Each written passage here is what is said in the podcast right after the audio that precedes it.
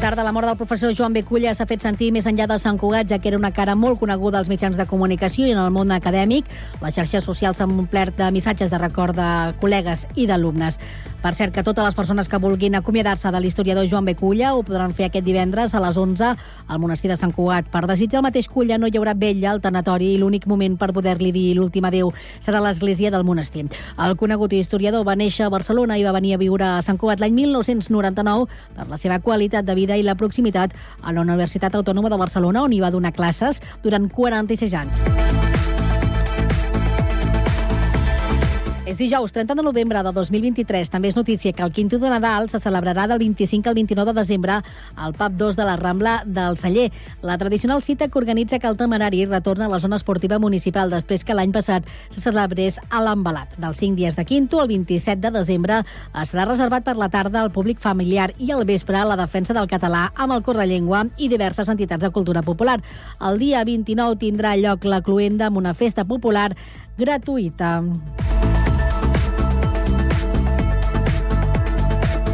L'Ametller Origen del Mercat Vell ja ha obert les portes aquest matí i ho ha fet amb una botiga que ocupa la meitat de l'espai comercial ubicat a la plaça de Sant Pere.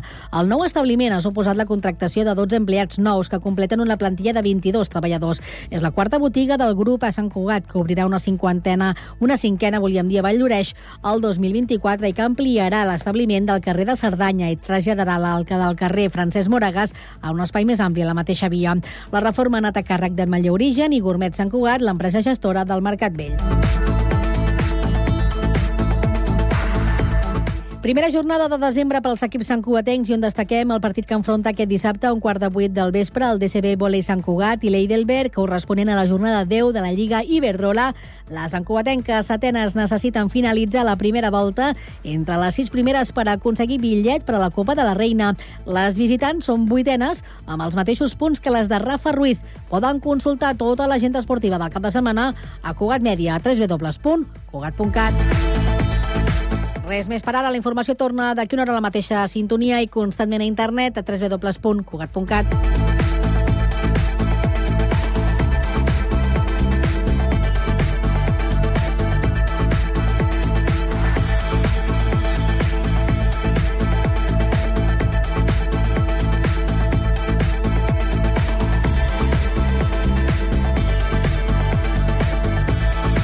Cugat Mèdia, la informació de referència a Sant Cugat.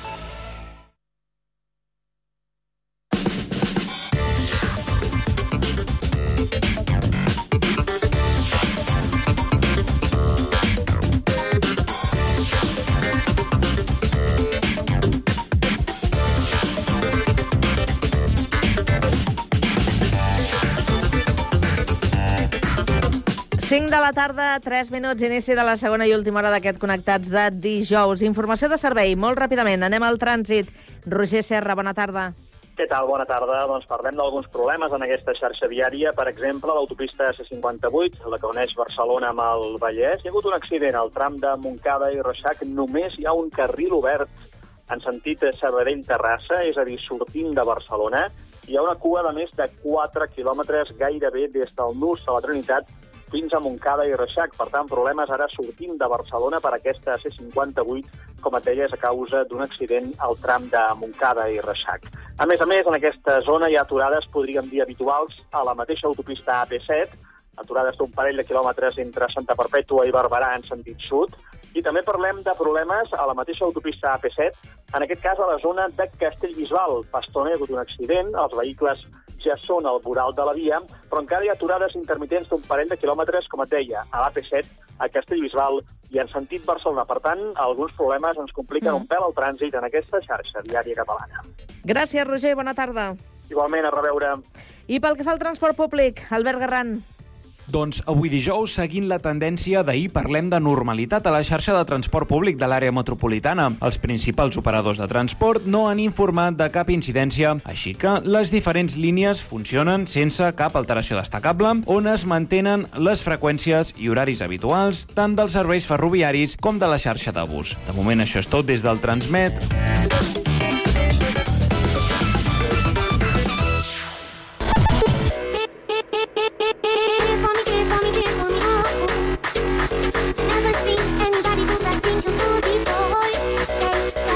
Connectats, una experiència radiofònica a Sabadell, Terrassa, Sant Cugat, El Prat, Castellà i Badalona.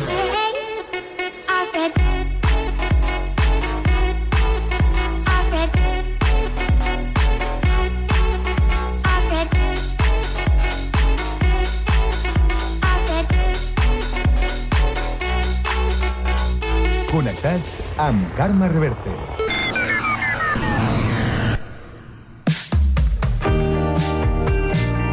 Locals.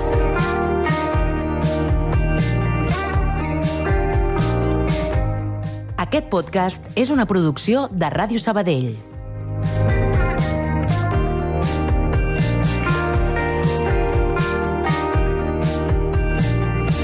En Quim Marín és un músic incombustible de Sabadell que va aconseguir ajuntar a components de diversos conjunts dels anys 70 de la ciutat, com els Brios, els Cuerpos Negros, els Candaus, Inquietos o Moderans, per acabar creant un grup que és habitual de la cava Urpí, el Quims Quartet. En Pau Duran ha parlat amb ell. En Quim Marín és un personatge habitual als escenaris sabadellencs. En algunes ocasions trobareu que en els cartells escriuen el nom amb Q, i en d'altres ho fan amb cap. I li demanarem a ell quina és l'opció que prefereix. Quim Marín, bona tarda. Bona tarda, benvingut. A tu com t'agrada escriure't, amb, amb K o amb Q, el Quim? És curiós això, de la... no ets el primer que m'ho preguntes, no? Però sempre de petit hi havia una pel·lícula que va tenir molt d'èxit allà a les matinals del, del principal, que es deia Quim de la Índia, i allà al carrer, com que eren molt catxontos tots en aquell temps, doncs el Quim, el Quim, el Quim es va convertir el Quim però en K, i quan havia de jugar algun joc que on feia falta que hi constés el nom, ja, ja em posaven una K. Em deien cada K, que va, aquests no perdonen, no? aquests no perdonen. I aquí va venir sempre, clar, i quan vaig als jocs, diu, Quim, amb Q, diu, no, perdoni, amb K. I em diuen, home, però això no és català. Dic, bueno, veu que li digui. Tampoc sóc coreà, però sóc Quim amb cada quilo. I bueno, i així és, d'aquí va venir el tema. I el, el Quim va acabar donant el, el nom també al Quims Quartet. Exacte. Com sorgeix el Quims Quartet? El Quims Quartet és una regenescença. En realitat, eh, tot el grup del Quims Quartet, la meitat del grup, que quan vam començar fa 10 anys, ja venien dels Candaus, que era el grup que per allà als anys 64-65 eh, vam crear amb el Josep Maria Mallafré, el Rafa Jiménez, el Quinti Ostrell, el Cisco Pujol i el Manel Vilamajor, que ara toca amb nosaltres, amb el Quims Quartet, no? Els Candaus. Els Candaus, sí.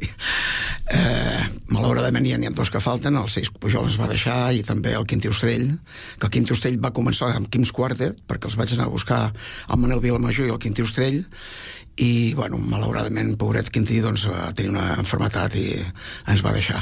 Aleshores, llavors ens vam anar reforçant, eh, i, bueno, per això ara està eh, el Ramon Bonjoc, que és un... No diria que és un teclista, jo diria que és un pianista de concert, però, però bueno, l'hem reciclat una miqueta, li hem fet baixar una miqueta els grons i, i ara fa de teclista. I el Paco García La Miñana, que és un gran professional de tota la vida, i com no no parlar del Jordi Molet, que tothom el coneixem, no? Que jo anava a veure els Candavos ai, amb els duendes, no? I, eh, bueno, que jo havia fet de taloner quan era Quim del Vallès, havia fet de taloner dels duendes en moltes festes majors i moltes actuacions que ells feien, no?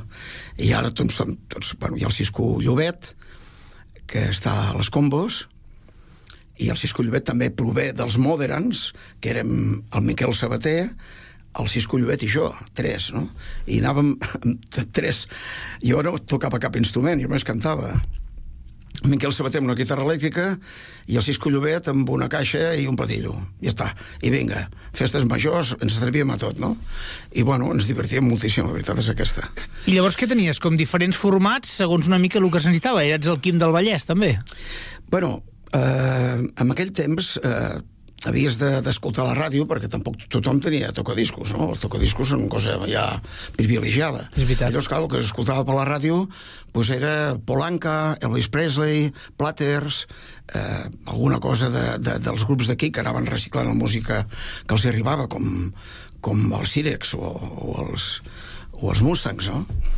Aleshores, vivies en un món i de, de moltes interpretacions, de moltes versions que fèiem aquí, eh, traduint a vegades, evidentment, quasi bé sempre, en, en espanyol, perquè, clar, cantar en anglès, en aquell temps ningú sabia cantar anglès. Jo em recordo que tocàvem eh, algunes dels Beatles, i jo escoltava la ràdio i em anava apuntant el que jo escoltava.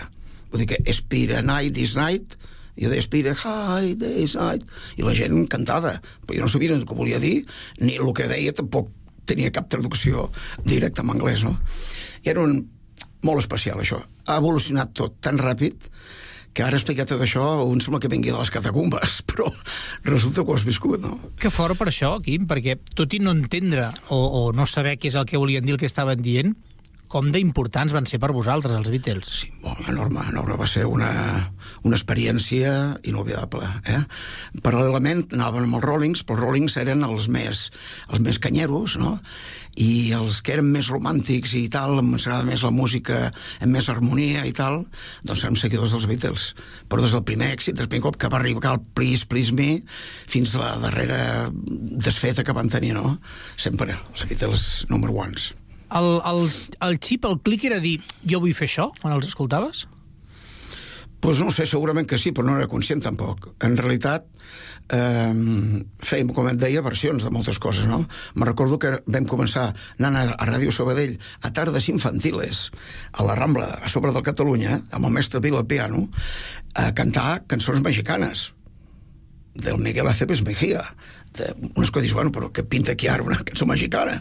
Bueno, pues si escoltaves la ràdio i Ràdio Miramar eh, dedicava para Mengano de tal que sabe la mili de su novia que li quiere mucho i et fotien allà pues el, la, la mexicada pues tu cantaves això i tot era una miqueta eh, clar, la ràdio ho era tot la ràdio s'escoltava amb la llum apagada a casa al costat de l'estufa eh, amb l'estufa vermelleta de sota i, i, bueno, i llavors termes a dormir amb un llit que els llençols eren mullats, eren gelats. Eh? Si ta mare no tenia la bosseta d'aigua calenta, allò era un martiri. A mi em fa gràcia recordar que molts em diuen no, és que vostè ha de fer la, la postura fetal. Dic, m'ha d'explicar a mi de la postura fetal. Sí, sí. El matí que no anaves al llit allò, si no feies el fut, estaves perdut. I tant. Escolta'm, i el, com vas anar el, evolucionant a dir, bueno, doncs ara vaig aconseguir-me un instrument, ara vaig a interessar-me més per aquesta faceta de la música. Com va ser aquest recorregut? Eh, molt lent però ferm, és a dir, eh, al carrer amb el meu amic Miquel Sabater, que era del meu carrer de Fernando Po, dels Marinals, li van regalar una guitarra, ell no sabia tocar la guitarra, en aquell temps no havia internet, no com ara, que pots aprendre acords, hi ha covers de tot tipus de... Doncs, pues, bueno, el nano doncs, va anar aprenent acords, com podia, no? que això és el mi, el primer, les, les, els, els indispensables, no? Do, re, mi, fa, sol, la, si, do, clar. I, i a partir d'aquí, eh, pues, bueno, tocàvem coses que ell sabia rascar i jo cantava i així van néixer els Moderns no? Érem ell, el Miquel Sabater i jo només llavors s'hi va afegir el Cisco Llobet com et deia, que és el nostre compos d'ara i va ser una cosa lenta i, i continuada no? Vull dir, també en aquell temps el que se solia fer molt els balls particulars és a dir, les festes es feien a casa d'algú el musicall era el lloc de trobada de, de tothom que hi havia d'anar a aquests llocs i jo anava amb la guitarra perquè sabia que on anés jo no pagava perquè com que a la mitja part cantava doncs el cubata ja el tenia assegurat no? i imagina't amb tot aquest tipus o sigui, la introducció és molt lenta però ferma com et deia jo vaig començar a fer coses a fer coses que ara amb aquest CD que t'he ensenyat eh, encara estan aquí, les toquem amb els Kings Quartet, Caminant, va ser un dia molt clar, un poema, un record... Són cançons que jo les tocava quan tenia 16 o 17 anys. Vull dir que ja tinc una edat, vull dir que deu fer bastants anys, eh? Ja. Però la introducció era aquesta. Els mitjans no hi havia mitjans que t'empenyessin cap a un lloc o altre. Era una cosa eh, que venia així, com, una, com la gravetat, no? que anava absorbint i a poc a poc doncs et trobaves de cara, vaig a fer una festa major, ara m'han avisat a veure si puc anar a no sé on, llavors va venir el karaoke, que va ser una, també una beca de revolució pels cantants que havíem deixat de zero per al tema de feina, perquè s'havia de treballar, s'havia d'estudiar. Eh, i bueno, em vaig apuntar doncs, a al karaoke, a concursos de karaoke no? i cantava Polanca, Elvis Presley, Platters i, i bueno, i llavors a l'acabar d'aquest aquest, aquest, aquesta fase del karaoke va ser quan em va a, a agafar una la revifalla del grup i vaig anar a buscar amb el Quintí Ostrella, amb el Manel Vilamajor que és el, el solista nostre ara i vam tornar a muntar eh, aquest cop Kim's Quartet, no? que això ja fa uns 10 anys. Aquests Kim's Quartet, com et deia, eh, doncs han tingut gent que ha tingut que que anar-se en altre món, pobrets, i ara som un grup que fa l'últim, l'única diversi... l'única diferència que hi ha amb el Quims Quart de fa dos anys és la incorporació del Jordi Molet, que ens ha donat un plus enorme, no?, amb el Jordi Molet. Però, per tant, Quim, el, els temes que hi ha en aquest uh, CD que m'has regalat, que t'ho agraeixo molt, per cert, t'acompanyen pràcticament de tota la vida. Sí, de tota la vida de tota la vida. Hi ha uns quants temes que potser tenen 5 anys o 4, però hi ha una columna vertebral dels que jo feia com anava a les festes i anava de telonero dels duendes i me'n recordo que anava de telonero també dels 16 jutges i vaig tocar amb el Serrat aquí a l'Escola de, de Comerç a Sabadell jo anava allà, era, estudiava en aquell moment allà i, i bueno, el Serrat, evidentment, era quan començava i allò era una, una, un aconteixement. Pues també anava jo allà de, de talonero, anava enxufant on podia. Escolta, a la foto de la portada sortiu tocant a la Cava Orpí. Què és per Sí. tu la Cava Orpí? Excel. Pues, eh, una llançadera una, important, no? Molt, eh, amb el Pere Urpí i el Josep Urpí, que jo amb el pare Urpí ja el coneixia perquè com a, com a arquitecte tècnic li havia fet ampliacions allà de l'hotel i tal, doncs eh, és per mi jo estic enamorat de la cava. Vull dir, nosaltres la, el llançament Quims Quart de veritat ha sigut a la cava. Hem anat a altres llocs a tocar, evidentment, però quan toquen les trompetes de la cava anem cap allà, eh? Vull dir que això no... Cada any fem dues o tres actuacions a la cava. Això t'anava a dir, el, el Pere ens va presentant la temporada, no?, que cada tant, però sabem que del Quims Quart és un o dos que hauran segur. Sí, sí, sí. I omplim, cada vegada omplim, que també és un atractiu per nosaltres i per l'empresa, no? Omplim sempre, clar, tenim uns seguidors que, que bueno, quan ens els dic, escolteu, toquem a la cava tot el dia, pff, les entrades volen, sí, sí, és així. Estem molt contents de com va això. Escolta, i com ho has anat compaginant, això, al llarg de la teva trajectòria amb les feines? Bueno, doncs clar, sí, sí, bona pregunta. Clar, no, no hem sigut mai professionals de la música i, per tant, eh, el que es va... Un hobby que s'ha anat creixent, però que segueix sent això, un hobby. Segem un o dos cops a la setmana, el Quims Quartet, anem, tenim 95 temes, dels que evidentment només podem fer 15 o 20 quan anem a actuar, els anem triant, anem fent coses noves i hem deixat de ser al darrere, vull dir, ens anem renovant, sobretot en versions eh, bueno, algú les ha de triar, en tot cas les trio jo, digui la veritat. Però són versions de categoria, vull dir, amb un cert eh, transfont de música i tal, saps? Difícils. A vegades, quan començava a presentar-los alguna, em deien tots, hòstia, tu, hòstia, no podem buscar alguna més fàcil? sí, sí, clar que podem buscar més fàcil, però si, si això podem fer-ho, home, no, vols dir, això és molt difícil, va, home, va, vinga, i sí, sí, al final... I clar, com es compaginava això? Doncs, bueno, a hores lliures, evidentment. Jo feia el meu torn normal, de les 8 a la 1 i de les 3 a les 8 o a les 9 del vespre, i durant la setmana hi havia molt poc temps d'això. Acabes de setmana, ens reuníem amb un, escolta, anem a tocar una, una rascadeta. Venia un vinc al Sabadell, fèiem una rascadeta, cantàvem... Fins que jo em vaig comprar la guitarra, també. Ja no volia dependre de ningú, i llavors sí que tenia mitjans per saber acords i clar, poder aprendre la guitarra, cursets eh, per internet, total, que sense ser cap virtuós, doncs a nivell de guitarra acústica com a acompanyament, doncs em va fent-s'ho. I bé, doncs aquí estem. Si digués que fer un recorregut de tot això, començant el, a l'any 61 o 62, que ens vam començar a anar per alguns llocs, seria interminable. M'hauries de deixar el micro aquí demà al matí a les 7, em pensa dir que talli, no? Vull dir, seria Farem, farem una altra cosa, Quim. Dels 19 temes que hi ha en el CD, et demanaré que en triïs un per posar-lo de comiat. Bé, és difícil això, eh? Perquè dins són 19 fills meus, aquests, eh? Però una que sempre, sempre toquem, sempre toquem en qualsevol lloc on anem, que a vegades és més adequat fer un tipus de música que un altre, caminant seria una, una peça bastant... que ens representa bastant, molt bé. Quims Quartet i a mi mateix. Quim Marín, gràcies per venir al Connectats. Faltaria més, com vulgueu, aquí estarem. Caminant,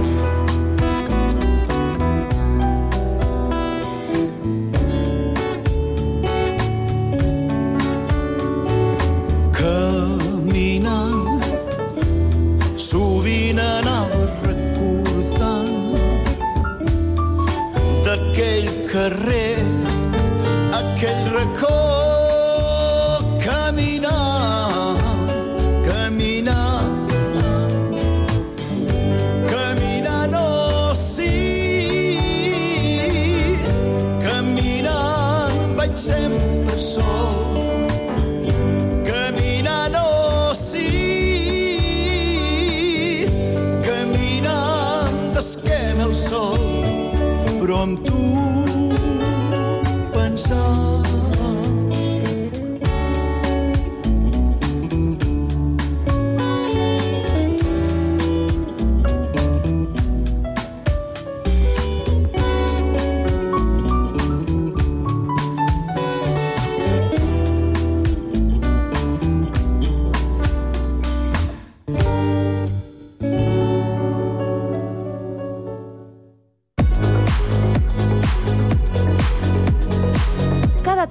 946 Connectats. Una experiència radiofònica a Sabadell, Terrassa, Sant Cugat, Castellà, El Prat i Badalona.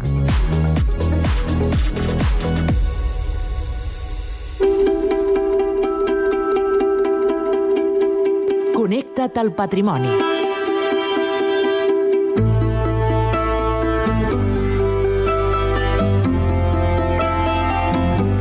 El mes passat, en aquesta secció de patrimoni, vam tractar la primera part d'una de les vies més cèntriques i emblemàtiques de Terrassa, el passeig del Comte d'Ègara. Santi Rius, creador del blog Records de Terrassa, ens continua il·lustrant avui sobre aquest tema. Santi, bona tarda. Hola, molt bona tarda. Sergi Estapé, bona tarda. Molt bona tarda. Doncs haurem de recapitular i fer una miqueta de memòria. Per tant, li demanem al Santi que ens faci breument un recordatori del que vam parlar a la primera part sobre aquesta important via de Terrassa. Bé, molt ràpidament, eh, per posar en context, dir que aquesta via de Terrassa antigament doncs, era res, era un camí, un indret que passava el camí que anava de la- de vila de Terrassa fins al convent de Sant Francesc. Ens hem d'anar a l'any 1827, en què tres industrials de Terrassa van cedir a l'Ajuntament aquest, aquest terreny per fer-hi un eh, espai d'esbarjo per la vila. Eh, el 1870 es van començar a plantar arbres i es va anomenar aquest indret com el passeig dels Samalers, perquè els arbres doncs, tenien, diguem, només era un tronc. El 1898 eh, ja hi va començar a instal·lar-s'hi coses. La primera cosa va ser una barraca de projecció cinematogràfica. I el 1901, tres anys després, es va obrir el quiosc de begudes dels germans Pompidou. Eh, res, quatre anys més tard s'inaugura el templet que es feia servir per fer concerts i audicions de la Copla i la banda municipal. I, i se n'anem a l'any 1924, en què eh, s'hi fa un banc molt curiós que, de la ciutat que es va anomenar el Banc del Sinofós, per la gent gran, no? que deia, anava, mm. anava dient, si, si no fos perquè tinc reuma, doncs faria això. I aquest era un banc molt conegut. I el 1926, per posar una altra data, se li va ja posar el nom de Passeig del Comte de Gara. O sigui, aquí ja té nom, ja té nom de, de, de, diguem del Comte de Gara com a cosa important per la ciutat, mm. i ja s'hi van començar a celebrar molts actes de la Festa Major de Terrassa, com la festa escolar, la fira, etc. I només l'última dada que vam donar és que durant la Guerra Civil se li va canviar el nom i aquest passeig del Comte de Gara va passar-se a dir Passeig de García Hernández. Bé, doncs uh, avancem en el temps i ara ens traslladem uh, al 1942 perquè Exacte. hem de continuar amb una reforma que es, es va encarregar precisament a Ignasi Escudé. Què es va, Sí. què es va fer? Bé, uh, de fet es va, es va decidir renovar aquest passeig perquè doncs, ja tenia molt d'èxit i a la vegada doncs, se'l volia reordenar, no? I se li va demanar a un arquitecte, que era l'arquitecte municipal, Ignasi Escudé i Givert, i va comptar amb la col·laboració d'un passeigista que a vegades el tenim una miqueta oblidat, que és en Jaume Argemí. I van fer doncs, eh, un, una obra que jo crec que estava prou bé, eh, perquè doncs, eh, estava molt ben emmarcat els murs, eh, tot i que hi havia un desnivell en, en, de, en el terreny, doncs el van salvar molt bé, fent unes escales, eh, posant doncs, una, un, donant-li una perspectiva. Això és molt important, perquè aquesta, aquesta construcció del passeig estava pensada perquè el triangle apuntés des de la punta del triangle i en el fons es veia sempre l'edifici de l'escola industrial. O sigui que tenia una visió de projecció de la ciutat cap a on havia crescut, que és cap a la zona de l'escola industrial. Malauradament això només va durar un any. Mm. Va durar un any perquè, perquè bueno, d'alguna manera eh, eh, aquesta, aquest, aquesta... Bueno, un any, perdó, va durar, va durar molt poc. De fet, va durar, mira, des del 42 al 44, en què es va construir dos anys, eh, el Monument dels Caiguts, justament al mig d'aquesta perspectiva. O sigui que tota la gràcia que se li havia volgut donar, doncs hi van posar allà el mamotreto del, del Monument dels Caiguts i va tancar tota la visió que teníem de l'escola industrial. I la visió que teníem era la del monument. Suposo que ho van fer expressament perquè es veiés aquell monument que els interessava destacar-lo. Santi, el, el 43, a partir del 43 comencen les obres i què, què és, què és els, les coses que, així destacades que es fan? Mira, el, el que es va fer, i que la gent es va emprenyar molt, potser una miqueta com ara, no? que quan es fan les reformes, la gent d'entrades en pipa, perquè van retirar dues coses que a la gent li agradava molt. Eren el quiosc de begudes i el templet. Clar, i la gent això li tenia molt d'apreci, perquè hi anava a fer el vermut, i anava a escoltar les audicions de sardanes i de la copla i totes aquestes coses, i la gent no va entendre gaire que es retiressin aquests dos elements emblemàtics de, del passeig, no? Però hi va sortir guanyant un, uh, un, un establiment que molta gent recordarà, que era també molt emblemàtic de, del passeig, uns anys després, que es deia Catalònia.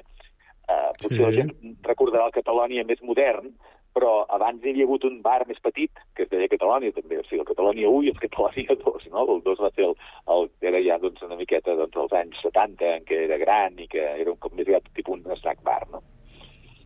I què va guanyar? Doncs que van instal·lar tauletes, parasols, i clar, doncs, doncs allò que feia el, el diguem-ne, el, el quiosc, doncs ho feien ells, servint els vermuts i servint les begudes a la gent que anava al passeig. Uh -huh. I aquest, eh, diríem que, que aquest passeig, diríem, que és com, no sé, hi havia com una planta triangular, no?, una mica Sí, amb un mur de sí. pedra. Explica una Sí, mica això. Sí, a veure, eh, de fet estava pensat, eh, molt ben pensat, perquè hi havia un mur de pedra que l'envoltava.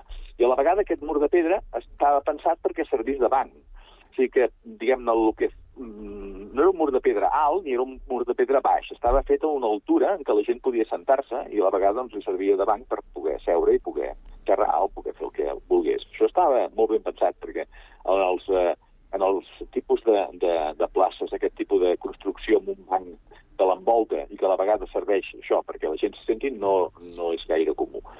Uh, a més a més tenia coses mm, que penso que estaven molt bé, no? Com per exemple que hi havia en la punta del carrer de la, que donava la Font Vella un brollador que donava doncs, un ambient fresc perquè, perquè era un brollador d'aigua, no?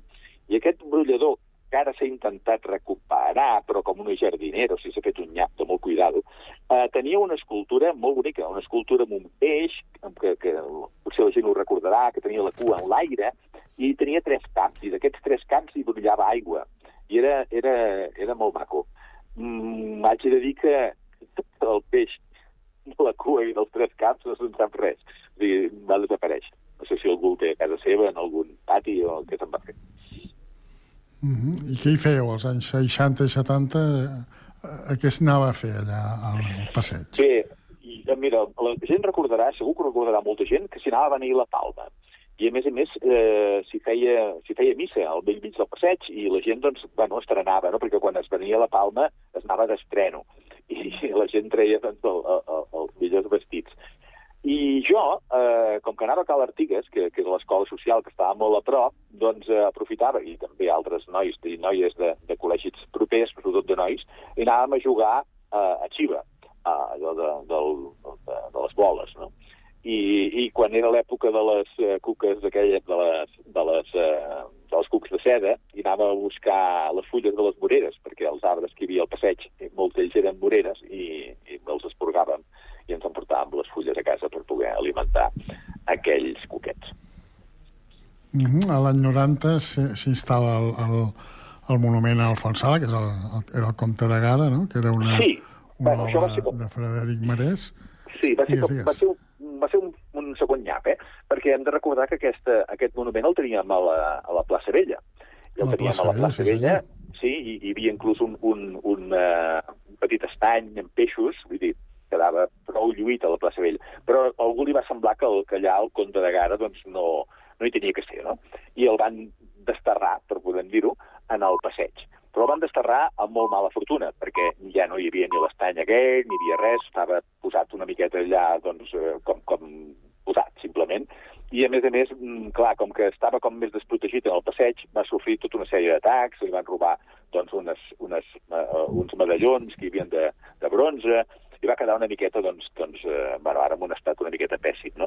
Malgrat és una, una obra escultòrica important, perquè és d'en Frederic Marès, eh? Vull dir, poca broma. Uh -huh. I, i bé, la- l'última reforma, eh, que com deies Clar. tu, que és un nyap, es- eh, clar, eh, ha, ha creat molta polèmica, no? Hi ha, hi ha molta gent detractora, hi ha gent que ho defensa, però explica'ns una mica què s'ha fet, no? S'ha obert. Dit, Explica-ho sí. tu, ho saps millor.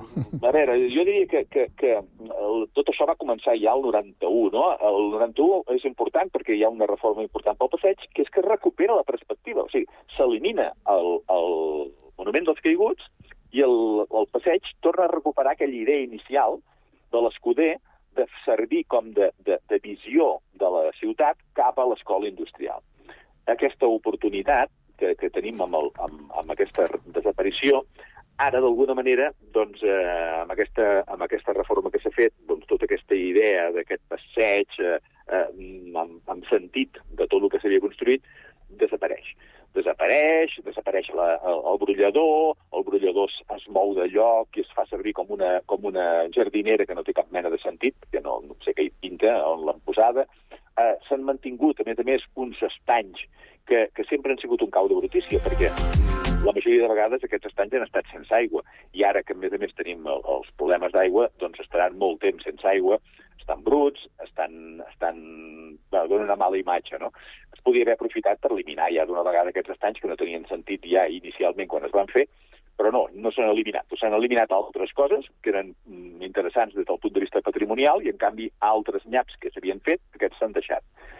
Però és que després s'han fet coses molt rares. O sigui, s'ha fet un muret que eh, eh, emmarca els, els bancs i els deixa entremig de, de, del muret. Eh, no hi ha una separació clara entre el, el lloc on passen els cotxes i on passa la gent. Mm, no sé, eh, hi, hi ha una sèrie de, de terres amb, amb coses diferents. Va haver una polèmica amb les llambordes, que si es, les llambordes es tenien que conservar o no es tenien que conservar. Llavors, mm, davant d'aquesta polèmica van decidir conservar uns trossets de llambordes com si fossin, no sé, un homenatge, no sé ben bé a què. Però és que a sobre es van col·locar malament, les llambordes es, es, es posen un, un, diguem-ne, que, que, no estan eh, quadriculades unes amb les altres, es- estan esbiaixades, perquè realment la llamborda té sentit quan fa pressió que estigui esbiaixada. Doncs no, aquí s'han posat de qualsevol manera. O sigui, no s'ha seguit cap mena de criteri mm, d'homenatge, com a mínim, a, a com es feien servir les llambordes en, la, en les construccions del carrer. No? Llavors, clar, eh, l'enjardinament. O sigui, mm, s'ha fet una construcció nova, però s'ha deixat l'altra banda antiga sense enjardinar, o sigui, no, no, no s'ha reformat. Llavors és com, és com un quiero no puedo, que diuen els castellans, no? O sigui, mm, és allò que dius, quin sentit té ben bé el que s'ha fet? Jo no li sabeu. Jo ara estava intentant, Santi, Sergi, eh, ubicar-me no? per, eh, per visualitzar on es troba el, el passeig i, i veig eh, que eh, està a la zona de, de l'Hospital Universitari Mutu a Terrassa, Sí. que, sí. que, que justament eh, i recentment hi, he passat per allà i m'ha sobtat de, de veure que eh, aquella plaça s'havia tancat, perquè abans es podia passar amb el cotxe, no? Sí, ara s'ha peatonalitzat una part. Sí. S'ha peatonalitzat un cantó, però s'ha peatonalitzat, entre cometes, d'aquella manera. Perquè com que hi ha un pàrquing entremig, i, sí. i els veïns també tenen, evidentment, a que entrar i sortir, doncs, és clar, representa que està peatonalitzat, però mm, hi passen cotxes.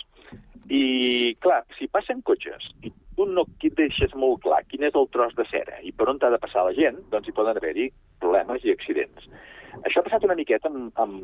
I això és una cosa que jo estic mirant amb els diferents eh, carrers que s'han peatonalitzat últimament a Terrassa, no? Mm. Que no queda massa clar quina és la part del cotxe i quina és la part del, del, del peató. I això, sobretot això per la gent gran, no? que pot anar mm, simplement baixar de la cera, o com que no hi ha cera, i, i passar pel cantó on passen els cotxes. Exacte. Si, un- si un cotxe eh, atropella una persona d'aquestes grans, ja hi serem, no? De qui Mm. ha sigut la culpa? Ha sigut la culpa de la persona gran que no vist ben bé on estava la cera? Perquè abans les ceres tenien sentit, i era el sentit de marcar clarament per on tenies que passar, i quina és la part del peató i quina és la part del, del, del cotxe. Ara no. Ara representa que hi ha com, uns, com unes eh, rajoles amb uns topets, i aquestes rajoles amb els topets representa que indiquen quina part és del cotxe i quina part és del peató. Això, mm, la gent gran No, no s'hi fixa. no s'hi fixa No. directament. Jo, jo m'hi fixaré, eh? M'hi fixaré a veure què tal. I, I exactament on comença el passeig eh, del Comte d'Ègara i on acaba? Comença justament en la punta d'aquest triangle. O sigui, el, a la punta del triangle, que seria on comença la, la Font Vella, val? Mm. Sí. Això seria el començament del passeig. I acabaria en el pont del passeig. El pont de Vallparadís. O de la mútua, també. Té, Sí. O de la mútua, per com vulguis. Sí, sí, sí, Sí. El, el, el, el pont de la mútua. Fins allà seria Mm. tot el que és aquest triangle famós que es va fer servir per, inicialment com a passeig.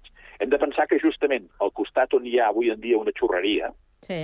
sí, això Mm. ho visualitzarem ràpidament, allà és on hi havia aquell banc del Sinofós. O sigui, fins allà arribava. molt bé. molt bé, molt bé. Doncs mira, avui hem descobert eh, coses per un lloc que pels santcugatencs és un lloc de, de, de pas, quan hem de- d'anar a visitar els metges. Bé, doncs, eh, Santi, ho deixem aquí i un altre dia continuarem parlant d'altres eh, qüestions del patrimoni terrassenc. Moltíssimes Molt bé. gràcies. Que vagi molt bé. Bona tarda. A vosaltres. Gràcies, Sergi. Que vagi bé. Adéu. Adéu.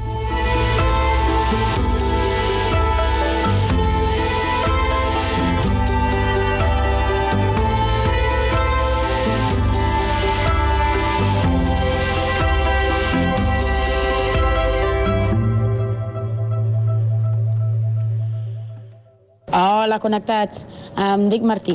Mireu, m'agradaria que poséssiu la cançó de Catarres amb Figaflaues de Jennifer. Apa, adeu.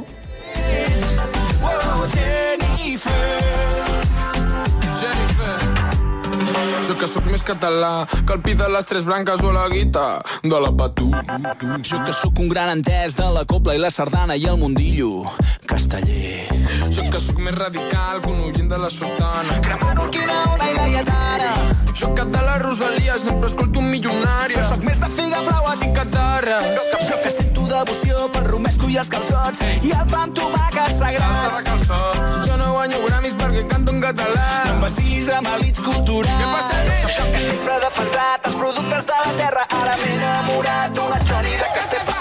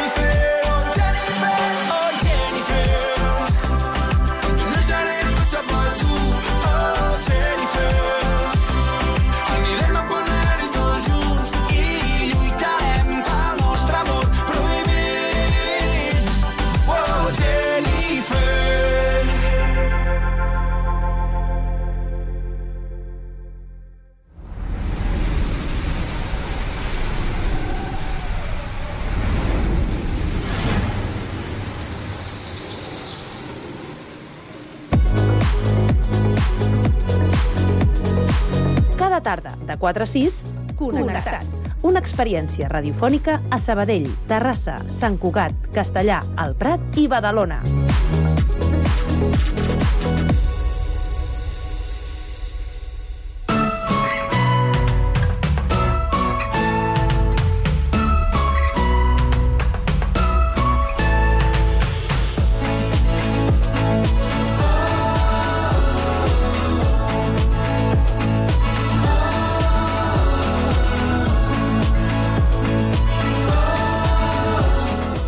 Als 3 anys, el Didac Bautista li van diagnosticar leucèmia.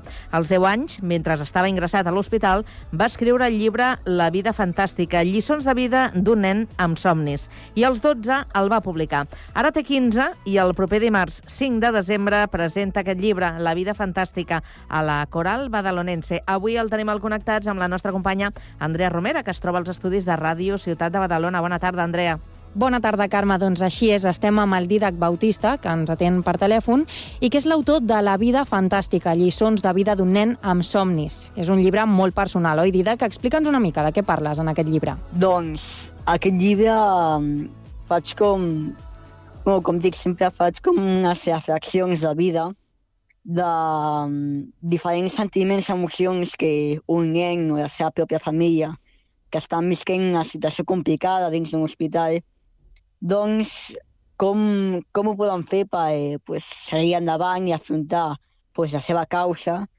Eh, d'una manera, podríem dir, més, més aèria i més positiva, entre cometes, pues, per, per seguir endavant i, i tenir una, una vida fantàstica. Per posar una miqueta en context als nostres oients i per entendre a què et refereixes amb això de les reflexions, és important entendre una mica quina és la teva història. No? En el teu cas, et van diagnosticar leucèmia amb 3 anys, no? i a partir d'aquí, com van anar passant les coses? Doncs sí, em, em van diagnosticar leucèmia als 3 anys i, bueno, podem dir que quasi tota la meva vida pues, ha estat d'hospitals i metges i bueno, van, van començar a fer-me tractaments, a quimioteràpia, després vaig de caure i em van fer un transplantament de, de mèdula òssea, eh, vaig anar de caure i em van fer un estudi clínic, eh, va parar de funcionar i aleshores eh, van haver de tornar a fer un segon transplantament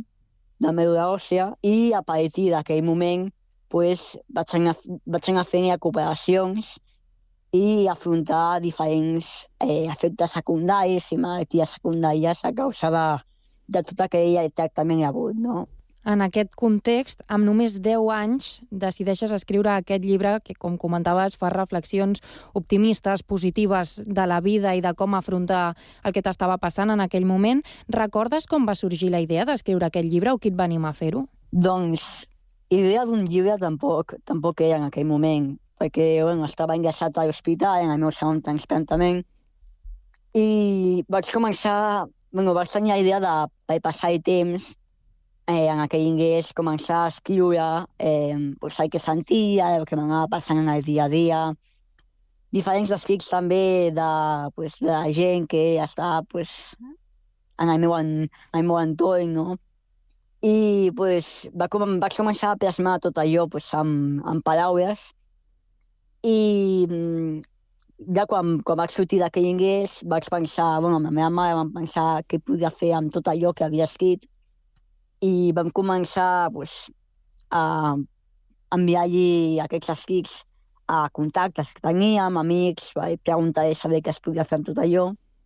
I podríem dir que no sabem com va arribar a l'editorial Planeta i es van interessar en transformar tot allò d'una part eh, en, en un llibre publicat. O sigui, en aquell moment per tu era com un diari, no? Com una manera de, de potser de plasmar els teus sentiments, de desfogar-te, no? O d'intentar fer veure als demés que, que es podia ser optimista i que es podia ser feliç i que es podia veure la vida amb un somriure.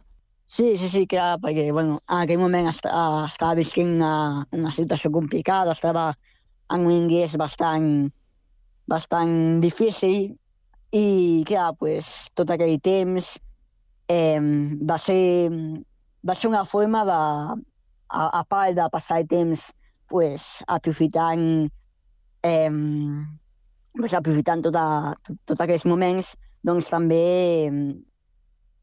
eh, experimentar tot allò que sentia, com, com has dit, pues, les meves emocions, els meus sentiments, d'una manera més literària i escrita.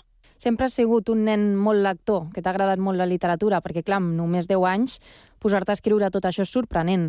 Sí, sí, des de, o sigui, des de que era molt petit, eh, bueno, també gràcies a la meva mare, que pues, amb els meus germans a mi ens ha, ens ha eh, eh, fet com un, un reconeixement a que llegíssim, que és una part molt important de la vida, pues, a llegir, sempre sigut, com podríem dir, molt creatiu, no? Llegir, eh, dibuixar, és una de les coses que més m'agraden, també una part també està amb els meus alemanys, però bueno, són coses creatives, com que he dit abans, eh, escriure i també dibuixar, pues, que durant tota la meva vida que he estat ingressat pues, m'han ajudat a, a experimentar tot allò que volia plasmar i, i dir a través de, a través de, d'allò.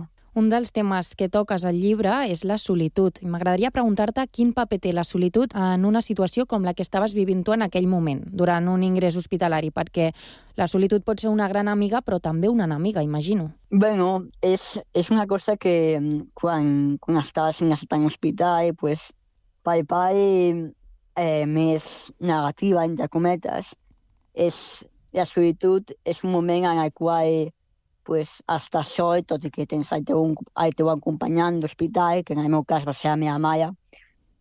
Però bueno, no, pues, la teva família no està al teu costat, estàs en un lloc tancat i et ve eh, una sensació de, de, de, de que eh, estàs sol i no, i no pots pues, ballar amb, amb aquella gent que, pues, que estimes o, o podem anar fent coses que mm, et donen una mica d'energia per, eh, pues, per estar content a tots aquells moments i allò et fa de, que estàs sol i et fa provocar unes sensacions que, bueno, que et, et, et fan produir més una solitud que, pues, que et sents una mica malament, no?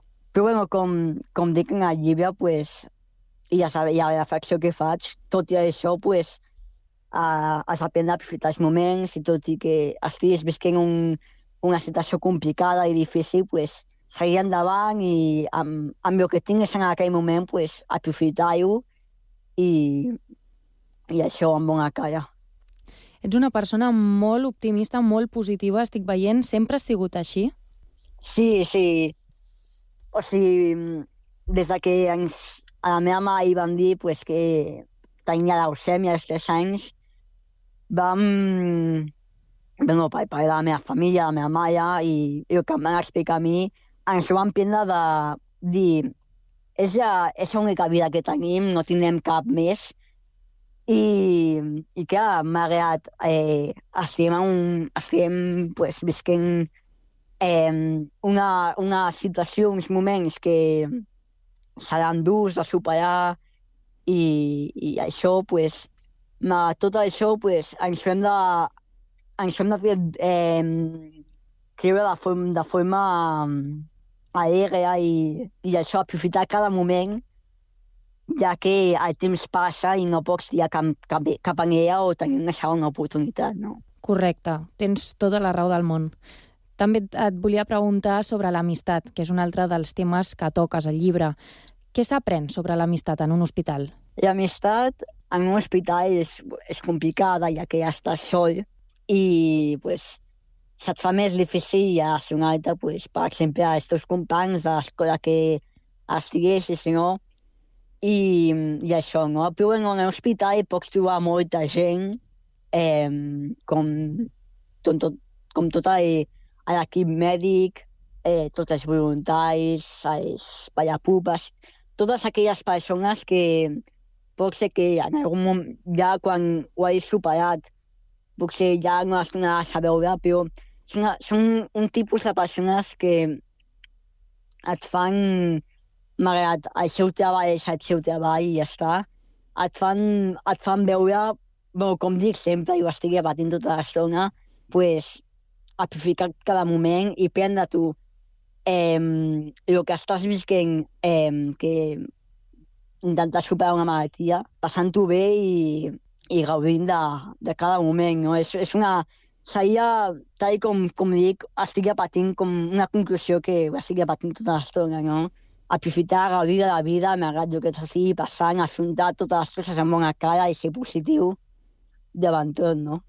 Per qui diries que va adreçat el teu llibre, Didac? Qui t'agradaria que el llegís? És veritat que una, bueno, l'editorial Planeta, no és que em quedi, sí, però ja va com traslladar una mica a part infantil però m'ha agradat les bones il·lustracions que, que ha fet de la, Carme, la il·lustradora Carme Soler Vendell, que és, aquelles il·lustracions han acompanyat molt bé el text que he escrit jo. És un llibre del qual jo crec que haurien d'aprendre, haurien de llegir-se totes aquelles persones de totes les edats, ja que és un llibre on explico una mica les situacions de, de com un nen està visquint dins d'un hospital i visibilitzar una mica aquest món tan poc vist i del qual quan ens parlen d'ell pues, eh, ens, té, ens tirem cap enrere pensant que sempre tot és, està malament i això. Però no, però eh, intentar pues, ensenyar una mica que, que no, té, no tot és lluent no? en, en aquests casos, no? i que a molta gent, a molts nens, sobretot així passa, i que, pues, que lluiten contra això i, pues, en el meu cas, de manera aèria i, i, i valenta, no? El llibre es pot aconseguir a qualsevol llibreria i hem vist que a part dels beneficis del llibre es destinen a l'Hospital Sant Joan de Déu i a la Fundació Enriqueta Vilavecchia. Sí, sí, una... als, als nens de Dex autor vaig voler eh, enviar-los una part a investigació de càncer infantil de Sant Joan de Déu, com has dit, i també una altra part a la Fundació Enriqueta Vilavecchia, que és una fundació que ajuda nens eh, amb càncer i a les seves famílies. Didac, et volia preguntar, ara ja tens 15 anys, gairebé 16, que ens han xivat que la setmana que ve ja és el teu aniversari, però quan es va publicar aquest llibre tu tenies 12. A més, et van entrevistar en molts mitjans en aquell moment. Com ho viu tot això un nen de 12 anys? De fet, un nen molt lector, com em deies, molt enamorat de la literatura. Com ho rep, això de tenir un llibre i fer-se una miqueta conegut? Tu com et senties? Bueno, clar, quan m'ho van dir va ser una il·lusió molt gran per mi, ja que pues, molt, pocs, molt poques vegades a un nen de 12 anys i diuen que pues, li van a publicar un llibre, no? I em vaig ficar molt content, primer per una part pues, perquè em feia molta il·lusió, eh, però també per una altra part perquè aquella, aquest llibre està publicat, pues, molta gent se'l podia llegir i molta gent podia aprendre i, bueno, aprendre no, pues, però només almenys veure i saber que existeix tot això i que molts nens ho estan, ho estan visquent ara mateix i que ho estan superant, no? De la seva pròpia manera, però bueno, per, per entendre i, i saber que tot això està passant i que, malgrat tot, pues, ens fem de prendre amb una cara i tal com es diu al llibre, sempre acabo dient pues, que, que malgrat tot la vida és fantàstica. T'has trobat en el cas que alguna persona de les que ha llegit el llibre s'hagi dirigit a tu, potser donant-te les gràcies per les lliçons que els has donat o dient que gràcies a aquest llibre afronta la vida d'una altra manera? Sí, alguns nens, alguns coneguts m'han pues, donat les gràcies a tot això, de que ara potser han après noves coses o també persones adultes m'han dit que han après alguna nou, no? Bueno, com, com es pot aprendre amb tot, no? I, i sí, estic agraït de que, de que algunes persones m'ho hagin dit i, i això sí. I després de tot el que has viscut i tot el que t'ha portat al fet d'escriure aquest llibre, et planteges escriure'n un altre, potser, d'aquí poquet? Sí, sí, això, bueno, des del dia que es va publicar ja tinc present almenys si, es pot, si puc escriure d'un altre, ja que, bueno, ho faig cada dia, vaig, vaig provant noves coses. Però, bueno, ara, ara podem dir que se'm fa més difícil perquè ja he, pues, ja he tornat, pues, diguem a la societat de, del dia a dia. I també pues, estic en els estudis, una cosa que ja m'agrada, estic fent estic estudiant dibuix, o sigui que... I és, es fa complicat, però bueno, segur que tot es pot aconseguir a la vida i, i bueno, algun dia pot, ser, pot sortir alguna nou. Aquí estarem esperant-te, per si això passa. De moment, la setmana que ve, dimarts 5 de desembre, presentes aquest llibre, La vida fantàstica a Badalona. Explica'ns una mica com serà això, com serà aquesta presentació. Serà un, una, una presentació de, de llibre amb, també amb una investigadora de, de leucèmia i que bueno, anem a explicar una mica cadascú pues, pues, amb la seva i bueno, si, si, tinc, bueno, si no m'equivoco em van dir que estaria a la Societat Coral i a, i a Badalonesa. Sí, Ai, que era a Sant Ignasi, a Badalona, sí.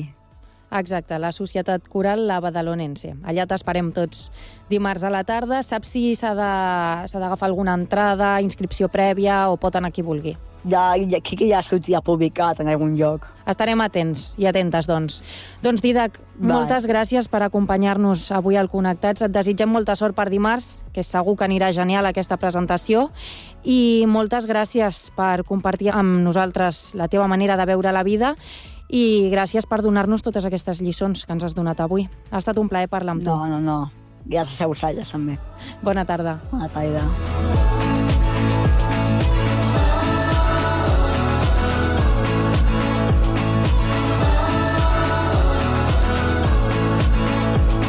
Fins aquí arriba aquest Connectats de dijous. L'últim Connectats del mes de novembre. Demà divendres eh, entrarem de ple en l'últim mes d'aquest any, 1 de desembre.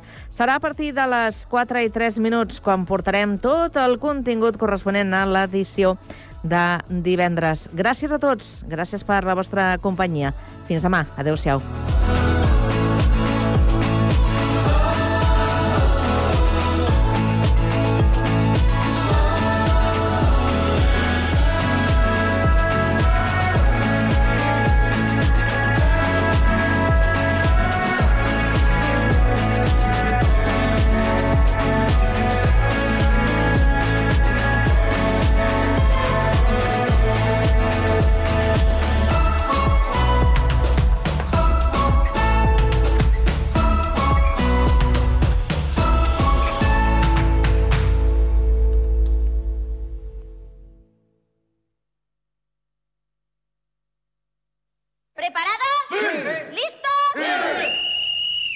Mèdia participa en els actes del Dia Mundial de les Persones amb Discapacitat i et convida a la projecció de Campeonex, de Javier Fesser. Soy la nueva entrenadora y estoy reuniendo al equipo de los amigos. Y qué bueno volar, qué bueno soñar. El dissabte 2 de desembre al migdia, al Cinema Sant Cugat, amb una sessió en què els nivells de llum i so estaran adaptats a tots els col·lectius. Per aconseguir les invitacions, només has d'entrar a www.cugat.cat i enviar un formulari.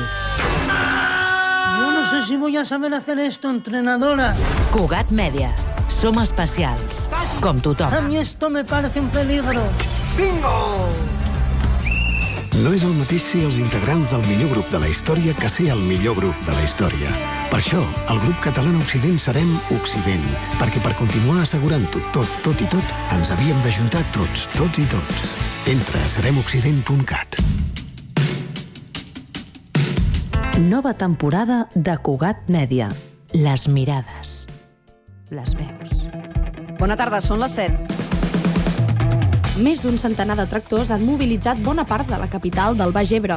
Ho han fet... Els agents que estan relacionats d'una manera o altra amb l'espai litoral del Baix Empordà facin Els germans propostes... Trias i Pujol es fan unes 30 donacions diàries, tot i que l'hospital fa de l'ordre... L'última hora de l'actualitat més propera. Notícies en xarxa, edició vespre.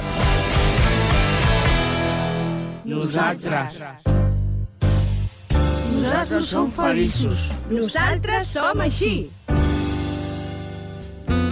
Nosaltres, un programa de ràdio mensual amb el grup Catalònia Fundació Creativa, que treballa amb persones amb discapacitat intel·lectual o trastorn de conducta. Benvinguts una altra vegada al programa de ràdio d'Espassur Valldoreix. Avui entrevistarem el Francesc Orella. La entrevista de este mes la dedicamos a una de las modelos y presentadoras más destacadas de nuestra localidad. Me parece súper elegante, un, un coche de color cava. ¿A ti te gusta el color cava, Miguel? Sí.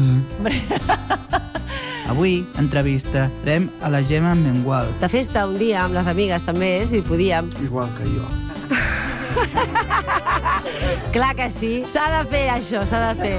Nosaltres, cada mes, a Ràdio Sant Cugat, Cugat Mèdia. Nosaltres som genials. Estrenem l'APP del Picalletres. Paraules i jocs lingüístics per a tothom. Descarregueu-vos l'APP a Google Play o a l'App Store i comenceu a jugar.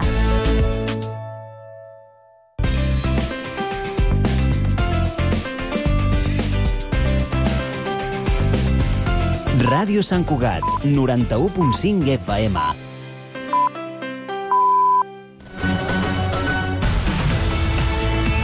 Ràdio Sant Cugat. Cugat Mèdia. Notícies.